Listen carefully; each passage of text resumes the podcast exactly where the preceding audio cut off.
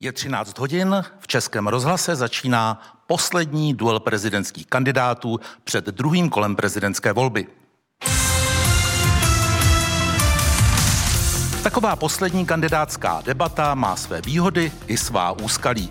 Kandidáti se můžou zaměřit na dosud nerozhodnuté voličky a voliče. Ta úskalí v těch předchozích mnoha a mnoha duelech a debatách bylo řečeno už téměř vše, ale je tady stále pár témat, která by příští prezident mohl zvedat a vybízet exekutivu i parlament, aby se jimi zabývali. Budeme rádi, pokud se v té následující, teď už necelé hodině, i k takovým tématům ve vysílání radiožurnálu Českého rozhlasu Rozhlasu Plus a na spravodajském serveru i rozhlas.cz dostaneme. Pozvání do duelu přijali kandidát nominovaný hnutí Ano Andrej Babiš. Dobrý den, pane Babiši. Dobrý den. A generál ve výslužbě Petr Pavel, který kandiduje na základě podpisů více než 82 tisíc občanů. Dobrý den. Dobrý den. Volby 2023. Prezidentský duel publiku studia S1 Českého rozhlasu jsou podporovatelé, spolupracovníci obou kandidátů.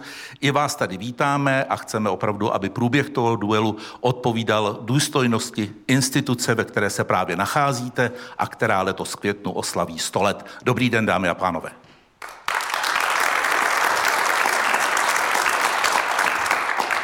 Tady na pódiu je zatím takové ticho, nevím, jestli je to ticho před bouří, nebo jestli už eh, i včerejší duel na Nově ukazuje, že ta, ten závěr té kampaně bude mírný, spíš věcný.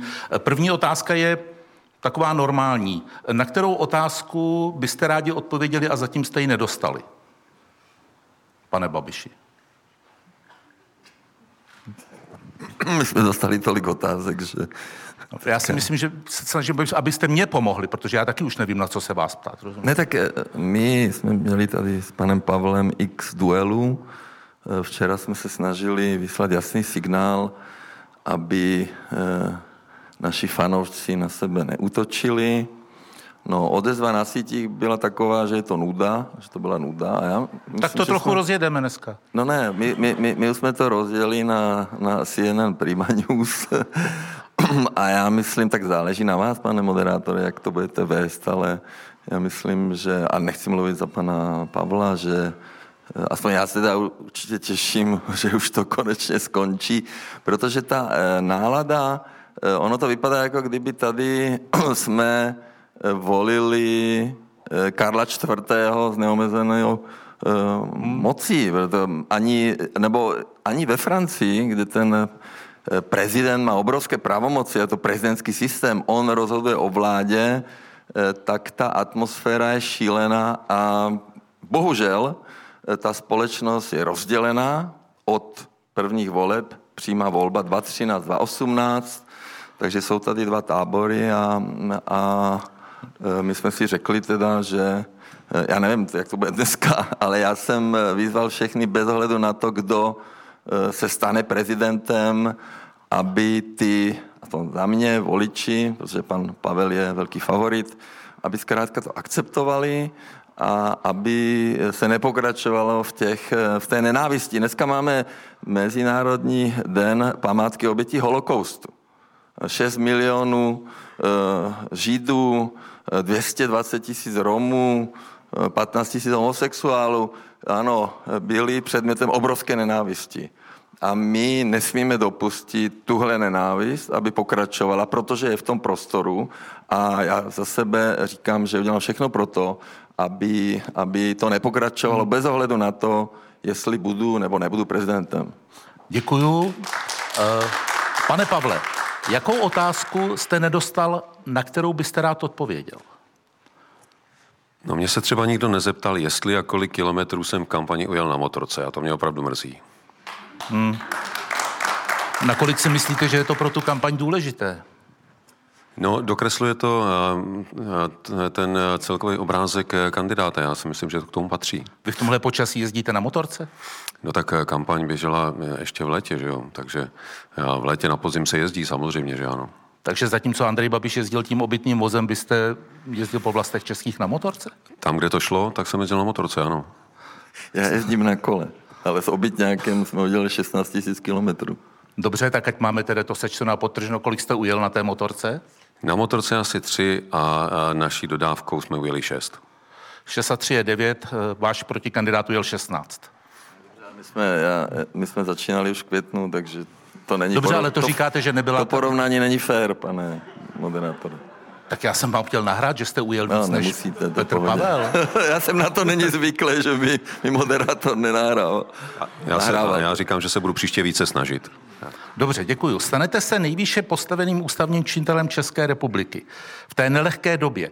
Na co se v té nové práci případně těšíte, pane Pavle? Na spolupráci, protože prezident e, není o tom, aby e, velel nebo, nebo, nebo řídil stát. Prezident je o toho, aby dával lidi dohromady a pokud možno usnadňoval spolupráci. A to mě vždycky bavilo, přestože to není lehká věc, ale když i na konci složitého procesu potom nakonec je nějaký rozumný kompromis, které, který vede k cíli, tak to přináší člověku opravdu velké uspokojení. Na co se těší případně Andrej Babiš, pokud by vyhrál? Já se strašně těším na ekonomickou diplomaci. To mě nejvíc bavilo. Já jsem samozřejmě absolvent zahraničního obchodu a přál jsem si navštívit Větnam, eh, kde se nám povedlo, že Škoda Auto začala vlastně stavět eh, výrobní závod eh, a za tři roky se tam budou vyrábět Škodovky. A ten prezident je bývalý premiér, je to můj přítel a taky jsme usilovali o to, aby jsme měli přímo leteckou linku z Bamboo Airlines. Měli jsme projekt, eh, že budeme učit česky sestřičky větnamské a že je potom tady samozřejmě budeme nabízet našemu zdravotnici, takže ten Větnam, je mi líto, že jsem se nedostal jako premiér, no tak uvidíme. Já tam nikdy nebyl, jestli to vyjde, ale ekonomická diplomacie je velice důležitá, protože naše firmy vyvážejí 87% zboží do Evropské unie, tam na to nepotřebují, když je něco na úrovni premiéru, prezidentu, nějaký lobbying, fajn, ale my potřebujeme našim firmám pomoci, hlavně v Ázii a Africe. A pane Babiši, tohle říkáte i směrem třeba k větnamským občanům, které mají, kteří mají volební právo v České republice? No a samozřejmě tak, oni mě znají, my jsme řešili EET, Eh, a byl jsem v Sapě několikrát u Holiče eh, například. Chodíte do Sapy přijali. A když jsem byl v Sapě, tak jsem měl pocit, že mě všichni mají rádi. Větnamci. Akorát, no. že vás tam oholili teda u toho Holiče, ne? Ne, to bylo za stovku a byl to fajn, jsou strašně příjemný, strašně pracovitý. Hmm. Představte si, že na venkově většina obchodů eh, jsou sami Větnamci. Počkejte, no ano, to, to víme. Uh, pokud tam tak není... a proč tam nejsou naši? No někde jsou, někde jako ob. No, málo, málo. No, uh, k té ekonomické diplomacii, vy byste vzal delegaci podnikatelů, já jsem se na to ptal tedy vašich protikandidátů při té debatě před prvním kolem, kde vy jste nebyl. Vy jste vzal tu delegaci českých podnikatelů a jel s nimi třeba na Tajvan? No, jasně, eh, chápu otázku. Já bych odpověděl tak, prosím vás, ohledně Číny. Eh, my se máme chovat stejně, jak všechny členské státy Evropské unie nebo Spojené státy.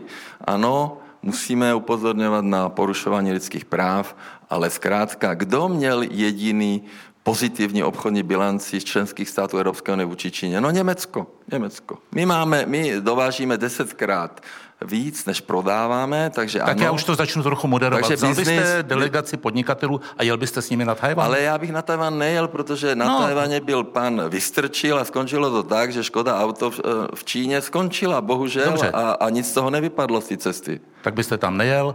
Petr Pavel opakuje tu odpověď z minula? My musíme sledovat samozřejmě náš národní zájem a e, náš národní zájem je nejenom ve vztahu, teď myslím e, ekonomický, ve vztahu k Číně, ale, ale i velice silný i k Tajvanu. A zároveň bychom měli respektovat princip, e, na kterém se Čína nakonec i se světem dohodla, a to je princip jedné Číny, to je ta půlka, kterou říká Čína, a pak je ta druhá, dva systémy, na kterou Čína ráda zapomněla. A ukázala na případu Hongkongu, že tu druhou část míní ignorovat a my bychom rozhodně neměli dopustit, aby ji ignorovala i v případě Tajvanu. Takže v případě našich kontaktů s Tajvanem musíme samozřejmě vážit, abychom neohrozili jednu i druhou stranu našich ekonomických vztahů. Na druhou stranu musíme i Číně připomínat, že principy se mají, se mají ctít. Vzal nebo nevzal? No, já bych byl proto vzít ale eh, vážil bych opravdu, abych neohrozil ekonomické zájmy zase eh, České republiky v Číně, protože je pravda, že tam zatím ještě jsou, ale eh, je to věcí vyhodnocení situace v konkrétní době. Teď je to velice hypotetická otázka. Andrej Babiš? Ne, tak já eh, paradoxně eh, Tajvan je větší investor v České republice než Čína, takže já určitě podporuji Tajvan, aby tady investovali. A já jsem velice rád, že tady jsou. A právě ta Čína tady moc neinvestovala, takže a to, co investovala, bylo velice kontroverzní. Eh, takže ano, Tajvan, investice u nás doma a ohledně toho obchodu, no tak všichni obchody s tou Čínou. Emmanuel Macron, ano, tiskovka, odsoudil porušování lidských práv, ale prodal tam těch 300 Airbusů. Mm-hmm. Posloucháte Radiožurnál a Český rozhlas Plus. Našimi hosty jsou prezidentční kandidáti Andrej Babiš a Petr Pavel.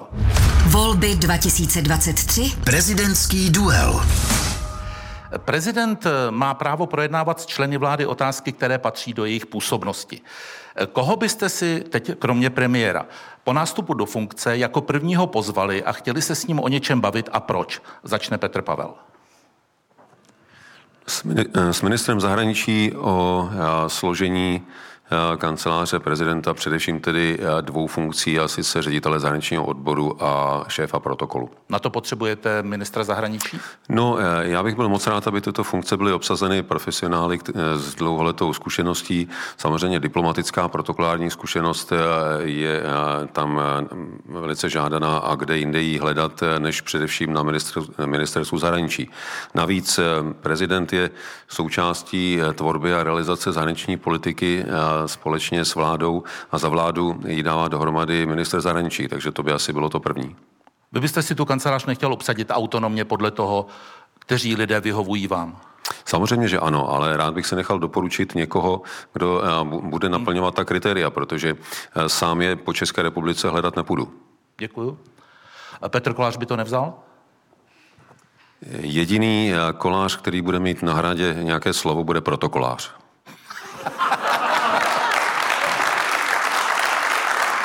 Tak vidíte, vy jste vtipnej. Andrej Babiš, s, kterým ministr, s kterou ministriní nebo ministrem, abych to řekl správně, eh, byste chtěli po nástupu do funkce mluvit a o čem? Ne, tak já bych chtěl hlavně si nastavit spolupráci s panem premiérem. A... To jsem říkal, promiňte, kromě premiéra. Tam no, to tak, předpokládám, ale že je já na předpokládám, pokud je premiér, a řídí tu vládu. On ji bohužel neřídí, protože řídí Staňura, který stále říká, že nemá peníze.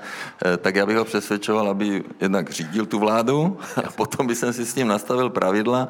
No a potom eh, z těch ministrů teďka, no já jsem to říkal včera, eh, paní Černochová, Ministrině obrany, ano. Ministrině obrany, známe se dobře. Eh, stále mluví o válce, eh, tak bych ji zavolal a řekl bych jí, prosím vás, řekněte tomu Řehkovi. Náčelník generálního štábu. Ano, kterého my jsme vybrali do Nukibu, nech už nestraší ty lidi, nech nemluví o mobilizaci. A pokud bych já byl prezident, no tak bych navrhnul tady pana Pavla místo toho Řehku. Nebo on by to určitě zvládal lépe, předpokládám, e, říká, že je proti válce, já jsem za mír, tak nech už přestanu strašit. Ten, tomu, ten to... Řehka děsí ty lidi. E, kdo tady mobilizuje? Nikdo nemobilizuje. Proč stále říká, že to Rusko napadne na to? Já to nechci. Ale on to neříká. On říká, říká připravme to, se říká, na nějakou ne, variantu. Ne, ne, on, ne, on říkal 22. listopadu jo. minulý rok, připravme se na válku obrovského rozsahu. No a to je jaká? No to je třetí světová. Proč to říká? No, protože asi se armáda na to musí nějak připravit. Ale nech se připraví, ale my o tom nemusíme vědět, nemusí děsit ty mámy. Nech se připravuje v režimu. No ale pak jim budete vyčítat, že jsme o tom nevěděli. Ale prosím, ne. Já, no, já znovu počkejte, opakuju. Eh, zeptám se ne, Petra ne, Pavla, ne, může, může být... Eh, ne, může, já, já ještě může, mám... Pardon, jenom doplňující otázka. Eh, může na funkci náčelníka generálního štábu vstoupit dvakrát jedna a táž osoba? No, zákon to nějak neupravuje, ale skutečně dvakrát do stejné řeky se nevstupuje. Tahle varianta nepřichází v úvahu. Mimo jiné i proto, že generál Pavel je už ve výslužbě, takže už nemůže nastoupit do činné služby. A pokud jde o, o to, co dělá náčelník generálního štábu, Jeho rolí není strkat hlavu do písku, ale připravovat obrany schopnost této země, protože on za ní zodpovídá. A jenom malá poznámka, to není o tom, že o tom bude mluvit jenom v nějakém režimovém způsobu armáda, protože konflikty dneska jsou věcí celých společností. Zdaleka ne jenom armády, takže i příprava společnosti na možné krize a konflikty je naprosto zásadní.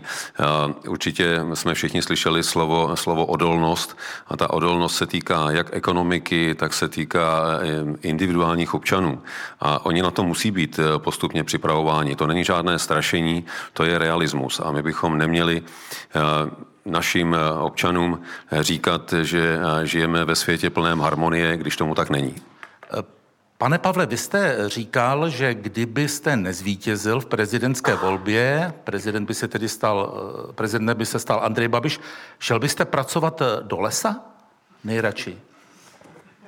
Otázka zněla tak, eh, nebo tak, eh, já eh, jsem řekl, že bych byl v tom případě opět angažovaným občanem a otázka byla, no a kdybyste teda měl něco jít dělat, já jsem říkal, že už jsem v důchodu, takže nemusím nutně jít pracovat, ale kdybych chtěl si něčím zpříjemnit život, takže bych šel pracovat do lesa, protože je tam hezky a je to na čerstvém vzduchu. Vy jste oba dva v prvním kole prezidentské volby získali téměř 2 miliony voličů. Vy byste je nechal opuštěné? Byl byste v lese? Ne, já bych eh, byl, jak jsem řekl, angažovaným občanem, to znamená, že bych se dál zapojoval eh, tam, kde bych eh, viděl nějaký smysl, ale já jsem nikdy neměl ambici dělat stranickou politiku nebo zakládat stranu hnutí, opravdu ne. To by vás nebavilo? Ne, určitě ne. Andrej Babiš? No, tak já bych se vrátil k tomu míru. Víte, oni se mi všichni smějí, oni se mi smějí. E, a my jsme měli e, tady ten summit na Pražském hradě Obama, Obama, eh, Medvěděv. Medvěděv. A pan Pavel vlastně řekl, my jsme malý národ a my to nedokážeme, nevím, proč nás podceňuje. Takže já jsem našel další mír. No, vidíte. Víte, kolik je v Norsku obyvatel?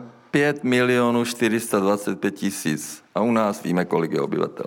A toto milionů. je mírová dohoda z Osla. Kde je tady?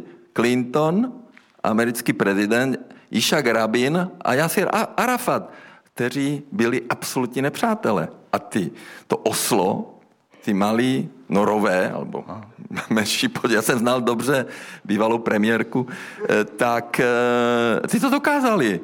Tak proč bychom to nemohli dokázat? To znamená, že norský král zavolal... Ne norský král, ne norský král. Jako, já nevím, kdo to všechno... Zkrátka norové... Ne, to, vy to chcete jsou... zorganizovat, tak já se ptám, kdo to organizoval v tom Norsku. No, no samozřejmě ty, ty politici to organizovali. Premiér, premiérka tehdejší. To tu není napsané, podstata je, no. že je to mírová dohoda z Osla a je tady a podepsali to nakonec ve Washingtonu a byl mír. Hmm. No, tak eh, zkusme to i s tou Ukrajinou a s Ruskem, to všechno. Já jsem opakoval stokrát, jak bych to dělal. Chcete říct, že o té době je na Blízkém východě mír? Dobře, tak vy to zase dehonestujete. Já to, pa, počkejte, pane Babiši. Tady počkejte, je napsáno podepsání mírových... Eh, no tak určitě eh, to není tak, jak předtím. Mírových dohod z Osla na trávníku před Bílým domem ve Washingtonu 13. září 93. To je jen další. Já, já jen poukazuju na to, že i malý národ, no, počtem obyvatel malý národ, jak Norsko, může dělat iniciativu, která eh, vlastně dospěje do mírové dohodě, to je všechno. Bez Abych podpořil ten můj projekt. Jako. Rozumím. Petr Pavel? Já myslím, že rozhodně není nic špatného na mírových samitech, ale je potřeba nesrovnávat hrušky s jabkama. Tady se jednalo o takový mini summit a jednalo se o dohodu mezi palestinci a Izraelci. My se tady bavíme, nebo pan Babiš mluvil o tom, že by eh, chtěl uspořádat velký summit eh, o bezpečnosti v Evropě, což by předpokládalo, aby se ho účastnili především tedy mocnosti v Evropě. A určitě by se ho mělo účastnit Rusko, určitě by se ho měly účastnit Spojené státy a další evropské mocnosti. Možná by bylo dobré, aby se ho účastnila i eh, možná jako hostující člen Čína, když se budeme bavit v širších souvislostech. A já jsem nikdy neřekl, že by Česká republika neměla na uspořádání samitu. Nakonec eh, předsednictví, které eh, jsme jako Česká republika vedli v uplynulém půlroce, ukázalo, že máme na to uspořádat velká setkání a velice efektivně. O tom to nikdy nebylo. Já jsem jenom řekl, že zaprvé v tuto dobu pro mírová jednání s Ruskem nejsou vytvořeny ani ty základní podmínky. a že tedy nikdo s Ruskem v tuto dobu ani nebude jednat, protože Rusko a prezidenta Putina označujeme za válečné zločince a dokud nebude jakýkoliv výhled na možné příměří, tak není ani možné mluvit o mírových jednáních. Další věc je, Eh, že eh, ty velké státy eh, k tomu samitu někdo musí přemluvit. A my samozřejmě jako Česká republika se můžeme bavit s kýmkoliv, ale rozhodně bych neřekl, že v současné době a po těch zkušenostech, které teď máme, bychom my měli tu váhu, abychom přesvědčili třeba Rusko, aby si sedlo k jednacímu stolu, nebo abychom přesvědčili Čínu. Na to asi opravdu musí být velcí hráči. My ho pak můžeme hmm. uspořádat, nabídnout to hostování, v tom není problém, ale navíc bychom to měli dělat systémem, systém, který tomu odpovídá. A to je cestou třeba samitu NATO, který bude Za tři měsíce, měsíce po inauguraci. Jasně. Ale to, co říká Andrej Babiš, že by nejprve se sešla, nejprve by jel na Ukrajinu, jestli to dobře chápu, pak by se sešla V4, eh, pak by se tedy volalo Erdoánovi, Erdoán by volal Macronovi, Macron by volal Bidenovi. A Biden by udělal co? Všechno by to bylo samozřejmě osobně. Jsem no, s tím Erdoganem mluvil dvě hodiny v jeho paláci a on byl ten, který zprostředkoval stezku ukrajinského obilí z Ruska, aby eh, to vlastně neutočili na ty lodě. Eh, takže ještě jednou, já, ty, to jsou dvě věci. Konání samitu, úžasný Pražský hrad, tam byl Medveděv a Obama, ale nejdřív je v podstatě ta iniciativa eh, a ta iniciativa s tím postupem. Zelenský, V4, Macron, další. No, ale to je všechno osobně. A možná dospějí k názoru, že nechtějí jednat s Ruskem. Možná řeknou, ne, nebudeme, to je jenom, aby bylo nějaké stanovisko, aby byla nějaká iniciativa. Takže to není vůbec o jednání s Ruskem. Možná, člen, a je, já souhlasím s panem, eh, s panem Pavlem, že ano, členské státy NATO kde sedí ale ty většinou stejní e, politici. Prezident Macron sedí na zasedání NATO, jak sedí na Evropské radě vedle e, premiéra Fialy. Takže, e, takže NATO, členské státy EU, úředníci, diplomati, všechno. A pokud se shodnou na nějaké strategie, a samozřejmě Zelenský musí být u toho, a potom a potom e, oslovuje toho, toho Putina buď Macron nebo, nebo, nebo Biden, určitě ne Babiš, ale Macron jednal s tím Bidenem a já jsem s Macronem jednal a vím, o čem jednali, e, takže to je celý ten projekt a možná by to nedopadlo. Takže abych to Jasně, ale stojí za to to zkusit. No, já si myslím, že ano. No, Petr Pavel? Já jenom doplním, eh, jak to eh, v NATO funguje při takovýchhle příležitostech. Zmínil jsem ten summit, který se bude konat tři měsíce po inauguraci nového prezidenta a eh, před summitem se vždycky konají schůzky na úrovni ministrů a náčelníků generálních štábů. Takže to, co by Česká republika měla udělat, pokud chce být iniciativní v jakémkoliv mírovém procesu, připravit si vlastní návrh, ten vlastní návrh prodiskutovat tak, abychom měli jednotnou pozici a následně s ní potom náčelník generálního štábu pojede na jednání všech náčelníků generálních štábů, ministrině obrany na jednání ministrů, minister zahraničí, jednání ministrů zahraničí a teprve potom se koná summit, na kterém se to všechno posvětí. To si myslím, že je standardní cesta a k tomu bychom opravdu mohli e, přispět, pokud takový návrh budeme mít, ale ten musíme mít nejdřív vnitřně. Pokud žádný takový nemáme, tak ani nemá smysl s nějakým návrhem chodit ven, protože pro něho nezískáme žádné, žádné partnery. My o tom musíme průběžně přesvědčit, aby vznikla skupina států, států, který zatím budou stát a tu iniciativu podpoří. Dobře, oba o sobě říkáte, že jste diplomaté, tak asi dobře víte, že i v diplomacii hrají významnou roli osobní kontakty a známosti. To bez pochyby, ano. Andrej Babiš? My se lišíme s panem Pavlem v tom, že já říkám, že rozhodují Biden, Macron, Scholz, Erdogan. Oni rozhodují. Ano, a ty úředníci NATO a ministři obrany, jasně, to jsou jenom vykonavatele a tak to mají říkáte, to předjednat. To říkáte já myslím, něco že, podobného jako Petr Pavel, že jasně, Česká republika je malý my stát, se lišíme v tom, moc... že já si myslím, že ten největší vliv je úplně nahoře, že jsou ty, ty prezidenti a proto byl Macron u Bidena, proto oni jednali. A taky jednali o ty situaci, takže eh, pan Pavel říká, že NATO, no tak tam je trošku rozdíl, ale ve finále se shodujeme. Víte, na co se vás chci zeptat, pane Babiši? Když jste byl před volbami teď eh, u Emanuela Macrona v Elizejském paláci, no. tak jste se tam o něčem bavili. A vy jste včera v té televizi říkal, že něco bylo tajného. Tak co to bylo za návštěvu? z které nesmíme, my nemůžeme se bavili, jako... My jsme se bavili i 6. října tady v Praze, když... To už je jsem... dávno, ale co, co to není bylo? to dávno, není to dávno. No. To je důležité, že eh, prezident Macron, dneska je Francie jediná jaderná velmoc v rámci EU.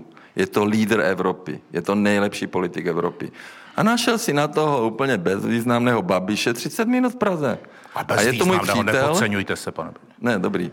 je to můj přítel a samozřejmě mi řekl, o čem jednal s tím Bidenem. Jo? No. Ale na rozdíl od Řehku, já to nebudu říkat. Jako, takže to není, to, eh, pokud se něco připravuje a samozřejmě, když mluvíte s někým na čtyři oči, no tak vám řeknou eh, věci a, a, a ty pravidla jsou na Evropské radě. Dobře, pojďme jo, dál. Bohužel... Jenom na čtyři oči, to je jako mezi čtyřma očima. Ano, to je teta tet. Teta tet, ano. Teta tet. Tet je hlava, Všichni tři jsme ve Francii působili, no, tak, tak si super. Ten, překlad, ten překlad dáme. Posloucháte radiožurnál Český rozhlas Plus, vysíláme debatu prezidentských kandidátů. Eh, už jsem to říkal, že jsou témata, která přesahují jedno volební období, možná dvě volební období. Když člověk nahlédne do takové studie, která se jmenuje Budoucnost českého pracovního trhu, kterou loni publikovala společnost Boston Consulting Group, tak do konce roku 2030 hrozí v České republice zánik milionů pracovních pozic. Neříkáme, že úplně zmizí. Oni se budou muset nějaký, nějakým způsobem modifikovat. Je podle vás už čas se začít s touhle prognózou vypořádávat? Petr Pavel má slovo. No, myslím si, že jsme zaspali a poměrně dost. Já si vzpomínám, když jsem působil ten poslední pobyt v NATO, tak jsem jezdil mimo jiné i po členských zemích a byl jsem několikrát v Holandsku. A mně se líbilo, jak k tomu přistupuje Holandsko. Holandsko si udělalo s inovací, s myšlení mimo vymezené parametry takovou modlu a chopil se toho král. A e, mělo to obrovský efekt, e, protože holanděni se stali posedlí inovacemi. A myslím si, my krále nemáme, tak e, proč by se toho nemohl chopit prezident, aby tyhle trendy začal tlačit, protože jsou to věci, kterým nikam neutečeme a tvářit se, že neexistují, nebo že jsou to jenom jakési vědecké studie, by nás potom mohlo mrzet, protože ten svět nám uteče.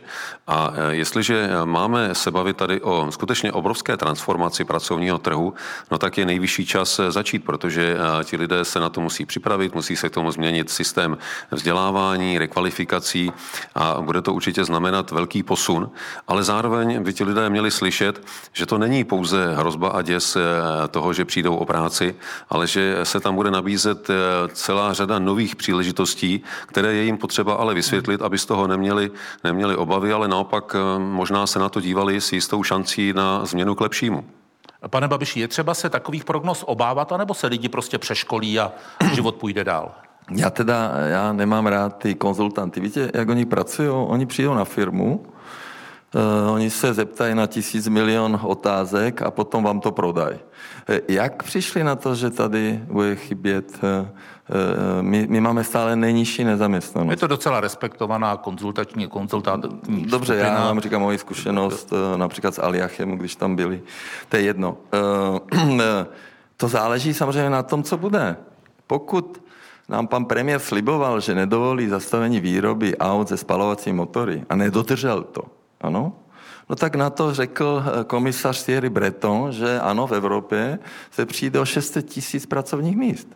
A pokud máme vládu, která před volbami něco slibuje a hned potom navyšuje daně, tak který investor přijde do krajiny, kde vlastně vláda neplní e, volební program, která vlastně hrozí navyšováním daní, no tak já bych e, do takové země neinvestoval. Takže to záleží od těch politiků. A samozřejmě my musíme Eh, mít jasný plán, jaké profese my chceme, aby ty vysoké školy eh, vychovaly. Pediatr, psychiatr, radiolog, eh, sestřič, toto všechno je zubaři, všechno úzký profil. A můžeme se bavit o... My jsme vymysleli Národní investiční plán, to je do roku 2050. 20 tisíc projektů za 8 tisíc miliard inovační strategie, udělal Havlíček do roku 2030. Ano, takže my jsme, zkrátka, my potřebujeme pracovní sílu do služeb, stavebníci bez Ukrajinců můžeme zavřít.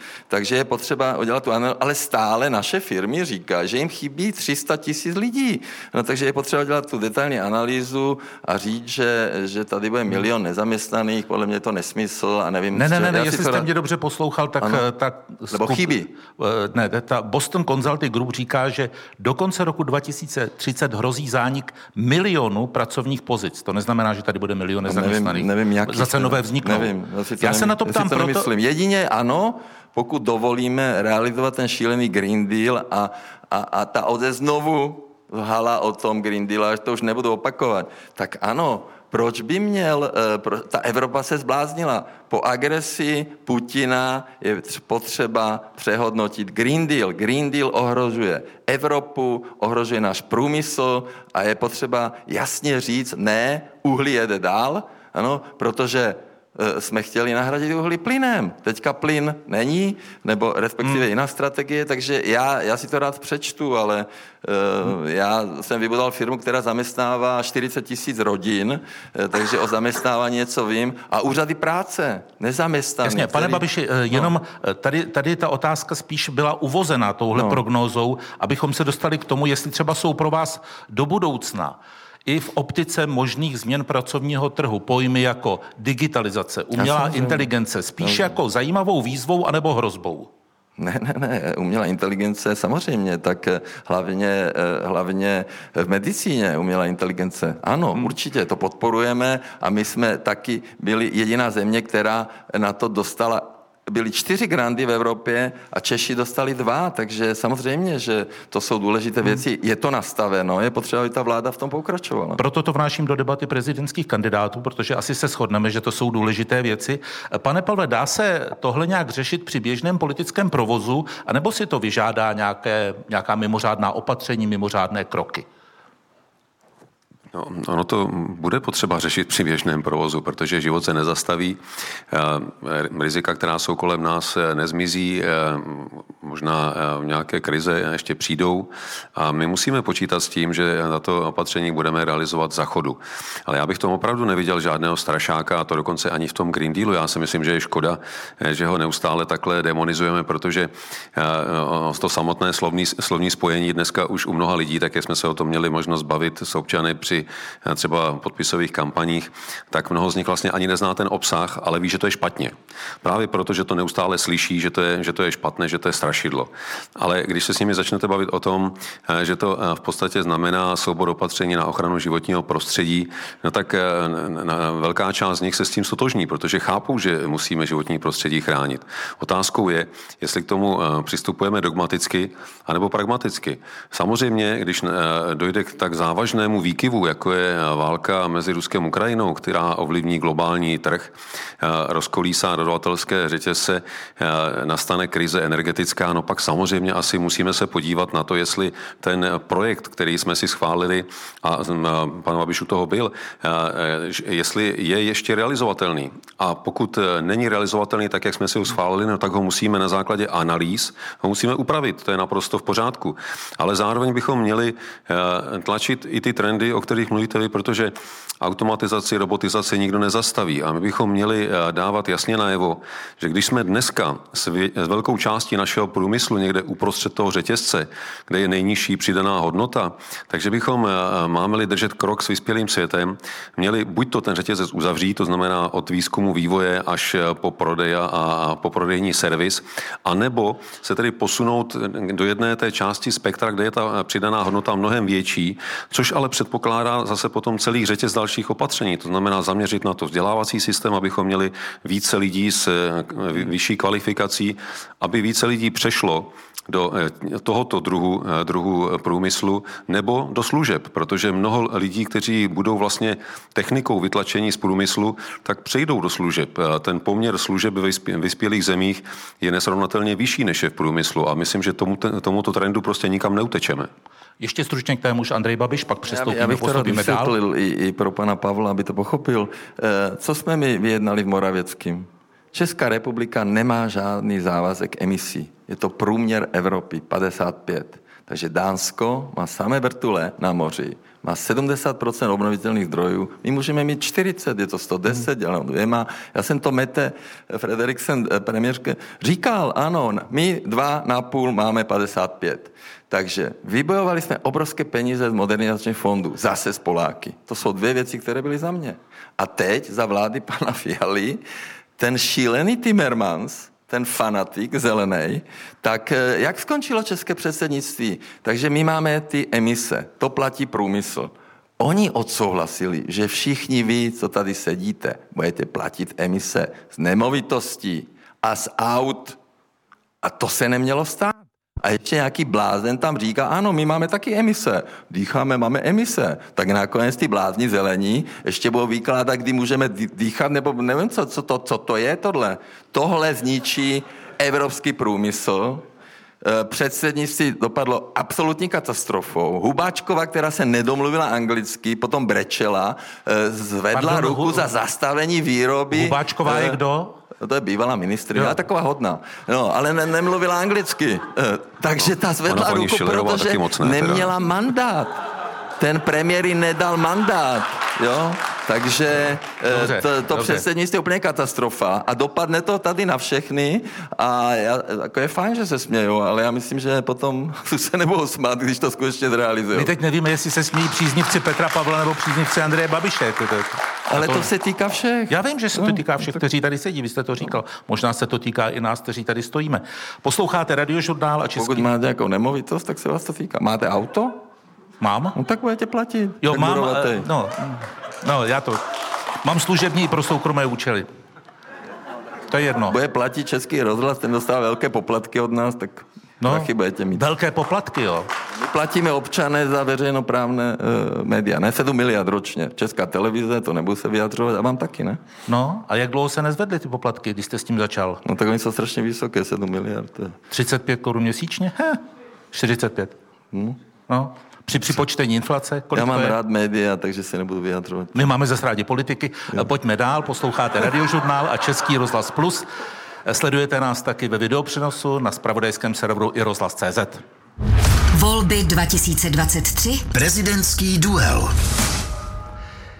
Našimi hosty jsou prezidentští kandidáti eh, Andrej Babiš a eh, Petr Pavel. Když se podíváme na to, co byste dělali jako prezidenti, tak jste říkali, že byste navázali i na to, co dělali vaši předchůdci, třeba Miloš Zeman, jezdili byste do regionu České republiky. Fajn, pouhá návštěva sice potěší, ale nestačí. Jak by se podle vašeho názoru mělo předcházet ještě většímu rozevírání nůžek mezi regiony a řešit problémy, které vedou třeba k vylidňování venkova v pohraničí. Začne Andrej Babiš tentokrát. Tak my jsme to řešili, samozřejmě uhelné regiony, eh, Ústecký kraj, Karlovarský kraj, Moravskoslezský kraj. Eh, já myslím, že z těch evropských peněz je tam asi 45 miliard měli absolutní prioritu, Evropská unie na to udělala speciální program. No a samozřejmě, co my potřebujeme? No my potřebujeme například dostavit konečně tu dálnici do Karlových varů, potřebujeme tam fakultní nemocnici, potřebujeme tam pořádnou univerzitu. My jsme dostavili dálnici D8 do Ústí po 32 letech v Rosinci 2016. Jo? Takže no, do Moravského sleského kraje tam máme dvě dálnice, to je ta jedna, ta, ta taková zvonková dráha, co tam házeli odpadky a tak dále, to všichni vědí. Takže ano, ty regiony, Moravskoslezský kraj je fantastický, ten funguje super, Ústecký taky a my potřebujeme ještě víc eh, pomoci Karlovarskému kraji. Stejná otázka pro Petra Pavla. Jedna věc eh, jsou ty fondy spravedlivé transformace, které eh, zmínil pan Babiš, a druhá je eh, kvalita zpracovaných projektů. A tady si myslím, že je na tom výrazně lépe Moravskoslezský kraj, který už zaprvé začal dříve a těch projektů má zpracovaných víc, některé už jsou v realizaci. A je potřeba eh, zajistit to, aby se sdílely dobré zkušenosti. A to nejenom eh, u nás doma, tedy eh, u těch krajů, které už nějaký dobrý projekt udělali, ale podobné zkušenosti mají regiony v Německu, v Belgii, ve Velké Británii, takže nemusíme vymýšlet kolo. Nakonec zrovna v Moravskoslezském kraji se s jedním takovým projektem inspirovali. Je to projekt Eden, který je realizován v Konvolu a teď se staví vlastně podobný projekt kousek od Karviné. A je potřeba se dívat na ty fondy transformace nejenom z hlediska jednotlivých projektů, ale mít to zpracováno komplexně jako výrazné navýšení kvality života, protože to není jenom o vytváření pracovních příležitostí po uzavření těžebního průmyslu, ale je to také o tom, aby na ty nové příležitosti, které tam vznikají, byl také dostatek škol, aby tam byl dostatek bydlení, aby tam byla dostupná zdravotní péče, aby tam také bylo nějaké, nějaké místo nebo prostor, kam se ty lidé budou po práci pobavit, protože dneska v mnoha místech, třeba v Aši, kterou jsem navštívil několikrát, tak až je po čtvrté, páté hodině v podstatě mrtvé město. A to samozřejmě tam ty lidi neudrží, protože pokud musí děti jezdit do škol do krajských měst, no tak většinou už se potom nevrací. Rozumím tomu, že návštěva hlavy státu v tom terém regionu, v tom terém městě tamní občany zřejmě potěší, možná povzbudí, ale co by se pro tohle dalo dělat systémově, pane Babiši? Prezident republiky může chodit na vládu, může chodit do sněmovny. Setkával byste se taky pravidelně třeba s asociací hejtmanů České republiky na tohle určitě, téma? Určitě, určitě. Já mám velice dobré vztahy s předsedou asociace Martinem Kubou, jsme spolu válčili proti covidu, takže určitě ano. E, samozřejmě ty hejtmani mají obrovské, mají rozpočty, naše vláda upravovala rozpočtové určení daní, takže vlastně on, oni na rozdíl e, od státu, který byl v deficitě, ale a tak jsme zvládli to zadlužení dobře, eh, tak mají eh, velké příjmy. Taková Praha, která je i město, i kraj například, eh, dostala v rámci covidu miliardu 600 milionů. Takže oni mají přebytkové rozpočty, mají peníze a je potřeba teď, aby se zrychlilo realizace těch investic, které jsou podporované i evropskými fondy. Dobře, děkuji. Jaké to systémové opatření, kromě těch podpůrných fondů, eh, by byl schopen budoucí prezident, pokud by to byl Petr Pavel, vnést do toho veřejného prostoru a tlačit tomu vládu? No, musíme si jasně říct, že prezident nemá zase tak konkrétní pravomoci, aby v tomto ohledu mohl eh, podnikat. Říkám, eh, vnést do veřejného tak, prostoru. Ale co může, je to, že zaprvé tedy bude znát konkrétní situaci v regionech, protože na rozdíl od vlády, která samozřejmě eh, řeší denně stovky různých záležitostí, tak ten prezident si může ten odstup dovolit. A i proto se může informovat, jak účinná jsou přijímaná opatření, jak dopadají na občany v jednotlivých regionech, jestli naplňuje ty potřeby, které by měl nebo ne ne. Může také diskutovat eh, s odborníky, svolat eh, kulatý stůl k tomu, eh, jak třeba ty projekty, které jsou zpracovávány, naplňují ten komplexní pohled zvýšení kvality života v regionech a potom s těmito návrhy konfrontovat vládu. Jednat s jednotlivými ministry a ten rozdíl, který tam bude mezi tím komplexním pojetím, který vede ke zvýšení kvality života a opatřením, která vláda přijímá, tak se snažit zaplnit tak, aby ho vláda zaplnila replika Andreje Babiše ne, já se vrátím k tomu tématu. vzdělávání. Ty kraje jsou strašně důležité, protože oni mají ty průmyslovky, oni mají ty střední zdravotní, oni mají ty zemědělky. Já jsem vždycky, protože my to máme tak všechno, mají, mají zdravotnictví, taková krajská zdravotní v Ústeckém kraji má strašně moc nemocnic, eh, takže tam je potřeba tu koordinaci a například to vzdělávání eh, by bylo fajn, kdyby například to střední vzdělávání prošlo pod ty rezorty. Ne? Že by průmysl měl průmyslovky, e, zdravotní. Že zřizovateli by nebyly tedy kraje? No ne, tak to je otázka dohody, ale tím, že je to roztříštěné, tak hmm. se těžko potom hledají, hledají ty synergie. Vemte si zdravotnictví. Máme nemocnice, které patří na úroveň města, potom mají kraje, každý to má jinak, takže stát má 16 nemocnic, vojáci mají tři, takže to jsou všechno věci, které eh, se tam dají koordinovat. Oni podporují, a to je skvělé, sport. Tady tahle vláda zapomněla na sportovce. My jsme dotáhli rozpočet 11,5 miliardy a teďka eh, ty projekty, můj klub, eh, moje kabina a tak dále, já jsem řešil v Brně, tam ty brněnské kluby neměly peníze na, na zimní sezónu, protože samozřejmě elektřina, takže je tam plno témat, které se dají řešit a, Dobře. a myslím si, Děkuju, že... půjdeme dál, posloucháte radiožurnál Český rozhlas Plus, debatu prezidentských kandidátů Petra Pavla a Andreje Babiše. Volby 2023. Prezidentský duel. Tak pánové, už jenom 15 minut. a máte to za sebou. Eh, jedno takové opomíjené téma v debatách, eh, nebo opomíjené, nepříliš frekventované, eh, je oblast lidské činnosti zvaná kultura. Mnoho umělců a kulturních pracovníků jenom stěží překonalo COVID a to, co s tím souviselo. Které kulturní instituce nebo odvětví by si podle vás zasloužili pozornost nebo pomoc prezidenta republiky? Andrej Babiš. Tak za naší vlády jsme dokončili rekonstrukci Národního muzea fantazie. Když bylo 100 let výročí Československa, jsme otevřeli. Státní opera, krásná. Měli jsme projekt Nová scéna. Proč to nedělá ta nová vláda? Císařské lázně, Karlových Varech, úžasné. I tu věznici v Uherském hradišti jsme připravili, i pan premiér tam byl, Litomyšl zámek, takže já jsem vždycky prosazoval, protože my jsme dávali pobídky zahraničním filmařům. Když jsme začínali, bylo 500 milionů, skončili jsme na 1,3. A když sem přijde Tom Cruise, nebo teďka nevím, jak se jmenuje ten Harry Potter, ten herec, uh, Dave Cliff, myslím, ne? Redcliffe. Redcliffe, pardon, takže já jsem s ním byl, tak oni dělají tu propagandu. A vy jste neviděli, jak se no, jmenuje? Co se smějte, jsem se s ním fotil, no tak jsem zapomněl, no, no to je Harry Potter, no tak víte, že občas to popletu. Takže 1,3 miliardy pobytky zahraničním filmařům, naše krásné zámky, ano, a, a tu kulturu, ano, turisté přijdou, eh, takže ta kultura je důležitá. No a samozřejmě eh, živá hudba, Česká filharmonie, fantazie. Já jsem byl eh, v Londýně, jsem navštívil Terezi Majovou, Majovou, tak tam byla Česká filharmonie, Bíč, Sergej Bíčkov. Toto všechno je obrovské, Dobře. obrovská reklama, přejdu, propagace. Přejdu. A je potřeba, a dostali za covidu dost peněz. Jo, chápu, že všichni volí pana Pavla, ale oni dobře vědí, že, že jsme se o ně starali vždy vždycky. Já to nespochybnuju. I ten, I ten Marhoul, který je jeho velký fanoušek, seděl u mě v kanceláři a potřebuje víc peníze na film, tak jsem mu je dal. No, vidíte. Já jako ze, dostal málo. Jako ze svého? Prosím? Ze svého? Ne, ze svého. Já jsem vybíral ty daně, víte?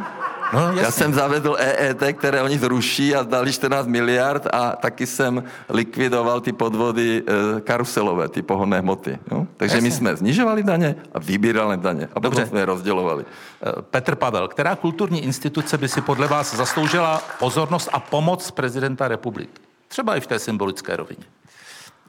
No, rozhodně by to měly být eh, ty, které eh, jsou součástí národního kulturního dědictví, aby eh, nějak nechátrali a naopak byly naší výkladní skříní. Ale já bych možná zmínil jednu věc, abych od toho širokého pohledu přešel možná k tomu spojitosti s covidem. Jedna kategorie umělců, na které se při covidu zapomnělo, byli ti, kteří jsou na volné noze. A já jsem se s nimi bavil v průběhu covidu v více krajích, že vlastně všechna zařízení, která jsou někým zřizována, tak dostali nějaký příspěvek. Takže i když to pro ně bylo velice těžké, tak se s tím jakž tak dokázali vypořádat. Ale pak jsou tady opravdu poměrně velké počty lidí, kteří nejsou nikde takhle organizování zaměstnání a protože se na ně nevztahovala žádná, žádná tabulka, no tak vlastně nedostali nic. Myslím, že je potřeba se dívat i na ty, kteří jsou na volno a přesto nám dělají radost svými díly, ať už jsou jakékoliv charakteru, případně nám dělají i čest v zahraničí, takže by se na ně zapomínat nemělo. Vraťme se teoreticky, zatím teoreticky tedy na Pražský hrad, kde jeden nebo druhý z vás bude působit.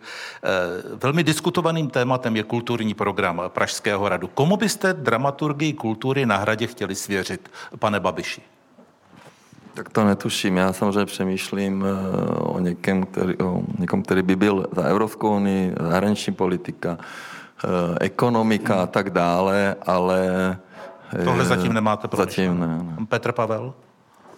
No, um, Andrej Babi řekl, že um, velká část kulturní scény je na mé straně, takže asi bych měl hodně konzultantů, ale já jsem nepřemýšlel o, o tom, kdo by případně byl uh, tím, kdo by koordinoval uh, kulturní scénu, ale napadlo mě třeba, že kdysi prezident Masaryk měl svého hradního architekta, který byl plečník A my máme dneska světově proslulého architekta, který se jmenuje téměř, téměř podobně Pleskot. A e, bylo by asi fajn e, mít e, někoho takového na hradě nejenom, který by dal tvář některým stavbám na hradě, protože minimálně jedna si to přímo vyžaduje, ale kromě toho eh, by také eh, mohl pozvednout eh, úroveň architektury u nás, protože my jsme se zachovali v některých případech třeba té chobotnice na letné poměrně bojácně. A myslím, že to je škoda, protože architektura taky může přitáhnout mnoho lidí k nám a to nejenom těch, kteří se architektuře věnují a dnes třeba jezdí do Litomyšle, kam, kde to je taková meka architektů, ale mohli by jezdit do Prahy, na Pražský hrad hmm. třeba. Sledovali jste eh, prezidentský eh, souboj v Rakousku, alespoň z povzdálí? Tam eh, v té prezidentské debatě padla taková zlolajná otázka moderátora, kterého současného rakouského spisovatele jeden či druhý kandidát čtou, kterého českého současného spisovatele, a když žádného, tak řekněte ne. Já taky bych v tom asi tápal trochu. Čtete. Andrej Babiši. Mně se zase smáli, eh, když jsem včera řekl, nebo když jsem to řekl, že jsem se, eh, eh, že jsem mluvil hovory z TGM, ano, Karel Čapek. Já jsem se díval na ten film, a, Proč se vám kvůli tomu a, tam, a tam dokonce to hraje, te, Masaryka hraje Martin Huba. Jo? Eh, takže já jsem to, to čet, no mě se stále smějí, eh, že neumím planety a nic neumím vlastně a švejka. Eh, takže já ale mluvím o tom, že jsem se díval na ten film a taky jsem to čet a, a to je samozřejmě skvělé. Pro mě Baťa, Tomáš Baťa, Jan Antoní Baťa a Masaryk, to jsou vlastně ty, ty lidi, který nesmírně obdivuju. Hovory z TGM od Karla Čapka, to má úplně úžasný začátek. Eh, velmi takový plastický, jak eh, tam ten kůň se splaší, teď mu tam padne do cesty to dítě a ten kůň ho přeskočí. Tam, jasně. A nic se, a nic se nestane. Mě, mě zajímalo hlavně to, že, že Masaryk vlastně nechtěl, aby ten Čapek zveřejnil některé ty části knihy jo, o manželství. Ale pak to autorizoval. No ano, ale je to strašně zajímavé. A taky mluvil o tom, že pokud my máme obstát vůči tým velmocem, ano, že e, o ty strategii, to bylo strašně důležité, e, budovat armádu, ano, aby zkrátka jsme měli tu pozici. Vidíte, tak tady máte jako na budování armádu odborníka. Však já, já souhlasím. No? Tak kdyby byl prezident, tak dám určitě nějakou nabídku panu Pavlovi. Jakou? No, tak už jsem mě jednou řekl, že... To nechce, že je v důchodu, říká. No dobře, tak, tak ministra obrany, kdyby náhodou potom nějak se ucházel, nebo nevím. Hmm. Pane Pavle, jsou nabídky, které se neodbítají, ne? Já myslím, že bych si užíval raději eh, v tom lese, statu důchodce a v lese, ano. No a otázka na vás. Eh, čtete nějakého současného českého spisovatele, spisovatelku? No, četl jsem naposledy eh, Čorneje Žižku a od profesora Barty jeho teorii, teorii chaosu a rozpadu, ale Já, na, naprosto náhodně. Já nevím, mám se do toho pouštět dál? Ne, ne, ne. To pan Pavel stále opakuje. Vlastně. Já jsem mu řekl, že ten... Tak má to načtené. A je to oprava no, historii zase. Jako, de, no. Demokracie je občas chaos. Na celém světě byl chaos. Ne? Občas. Tak. Ale my jsme to s armádou zvládli, takže bych tak, rád, kdyby pan Pavel už to neříkal. A tak vy taky říkáte, že demokracie je rozmanitost, říkáte ve svém videu. S tím demokracie je diskuse, říká je diskuse, Masaryk. Demokracie no, ale je na těch náměstích, kde na nás řvali, tak ta diskuse no. nebyla. Lid eh, za 8 minut eh, začne rozhodovat. Ještě tedy, když Andrej Babiš sem nesl eh, to, že čte, nebo četl hovory s Tegem, vy opakujete, že čtete toho Remarka pořád. Tam jste ne, ne, ne pořád. Ne. To, bylo, to bylo včera, ale... Ne, Remar... nic, proti, nic proti Remarkovi. No, ne, ne. Remarka jsem louskal opravdu s velkým nadšením, když jsem byl na gymnáziu, protože hmm. jsem přečetl všechny knížky, které tehdy byly v knihovně k dostání. Ale proč jsem o tom mluvil je, že nejenom teda, že mě to zaujalo, ale že jsem o tom mluvil z toho, eh, jak eh, vlastně člověk vnímá knihy s odstupem věku a nabitou zkušeností. Že tady v době, kdy jsem je četl na tom gymnáziu, tak jsem v tom viděl eh, spíš takové ty dobrodružné scény, které tam byly třeba na západní frontě klid, nebo, nebo, nebo zá, závodník, který jezdil autem a, a pak ztrácel. Ve třech kamarádech? Tak, tak, tak. Jak se jmenovalo to auto? No, to mi řekněte teďka. To Karel, pojďme dál. Jo, Karel, správně tak.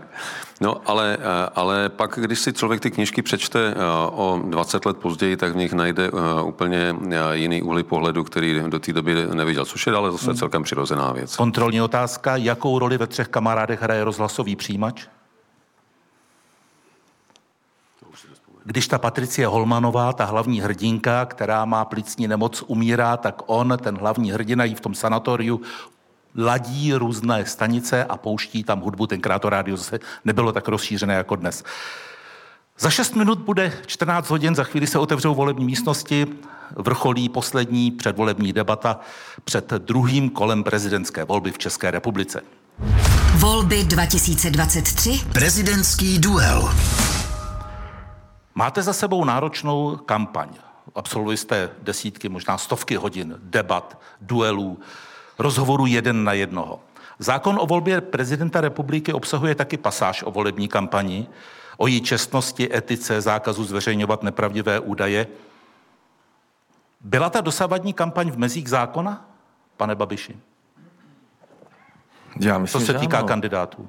My jsme určitě se snažili uh, podle zákona a já chápu, že někdo poukazoval na ten, na ten billboard. Eh, to je pravda, že se, že se moc nepoved, že tam mělo být napsáno něco jiného. Za to jsem se taky omluval, že naši marketery to nezvládli, ale eh, ten hlavní cíl byl mluvit o míru a ne o válce. Takže já i včera na nově zase válka, válka. Tak přestaňme už mluvit o té válce a zkusme udělat něco pro to, aby skončila. Jasně. Byla ta dosavadní kampaň v mezích zákona, jakkoliv nikdo z vás není soudce, aby to dokázal posoudit, nebo mohl a směl posoudit. Pane Pavle.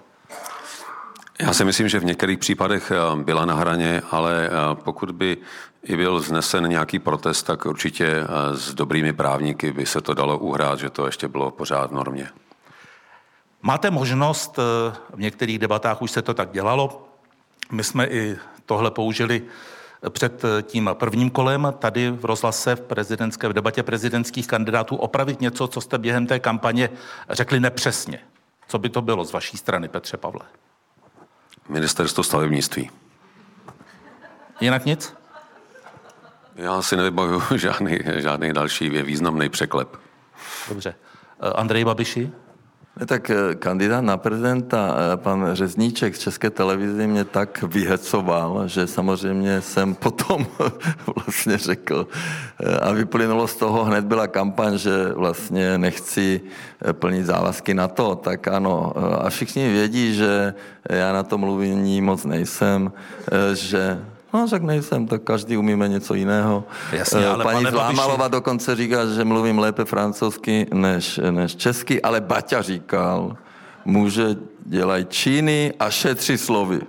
A pan, pan, pan, pan Pavel taky velil celý, celý život, ne? Velit, velit, velit. A v biznisu to tak je. No, tak politice je to omluvení, někteří mluví celý život, jsou tam 30 let politice a nepostavili ani Víte, Pane Babiši, já jsem trochu moderátor, jenom si říkám, že jsem tak trochu moderátor. Proč, proč toho... Já vás mám rád, no. No, Ježíš Maria. Uh, Poprosím Petra Pavla o to tež, abych to, aby to vyvážil. Hele, proč, proč říkáte o Martinu Řezničkovi jako kandidát na prezidenta? To tak přece není. Je to z nadsázku. Ne, tak já. pan, já nechci už, já, Česká televize eh, tady Víc vyhrála opust... volby pěti koalici. Počkejte, když a... jste ji odpustil, ne? Jste říkal tam, když Odpustil, tam... no jasně, jasně. No. no tak dobře, tak odpouštím znovu. No tak vidíte, takhle krásně smírně končí. Ještě jsem se vás vždycky chtěl zeptat, proč do té kampaně vkládáte furt Lenku Zlámalovou?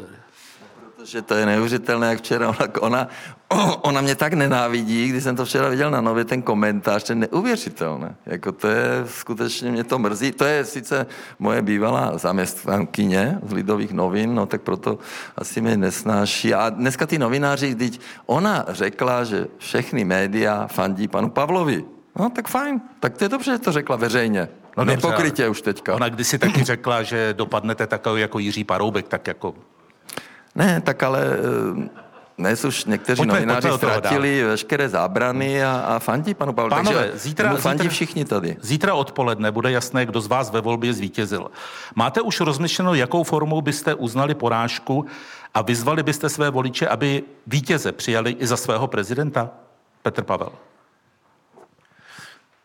Pokud eh, jdu do volby, tak eh, respektuji to, že to je volba lidí a tam může dopadnout eh, oběma způsoby. Ano, Takže ale představte si, že jste prohrál. Pokud, pokud prohraju, tak samozřejmě vyzvu své voliče k tomu, aby výsledek respektovali, protože v demokracii rozhoduje většina, tedy alespoň většina těch, kteří přijdou k volbám. No a musíme se smířit s tím, že dalších minimálně pět let budeme žít s jinou realitou. To tak prostě je. A neznamená to konec světa. Samozřejmě, že se Dobře, řada věcí děkuju. změní. Za chvíli to bude znamenat konec dnešní debaty. Andrej Babiš, kdybyste prohrál? Ne, samozřejmě, já bych eh, deklaroval veřejně, že pan Pavel je můj prezident a všechny bych vyzval eh, k tomu, aby ho respektovali, aby ho brali za svého prezidenta. Pokud pan Pavel vyhraje, tak pěti koalice ovládne všechno. Je to kandidát vlády, takže teďka je historická šance propojit, oni se smějou zase, propojit těch třech milionů voličů s těma vládníma, těch je jenom 2,3. A já bych, kdybych byl na hradě, s tím Fialou to se snažil propojovat. Když tam bude pan Pavel, tak je to vláda a zase jedeme dál rozdělená společnost. A Uvidíme zítra byla škoda, no. Poslechneme si jak vítěze, tak i toho, který neuspěl. Tím končí debata radiožurnálu a Českého rozhlasu Plus. Děkuji Petru Pavlovi, nashledanou. Děkuji, nashledanou. A děkuji Andreji Babišovi. Děkuji, nashledanou. A děkujeme i vám. Hodně štěstí.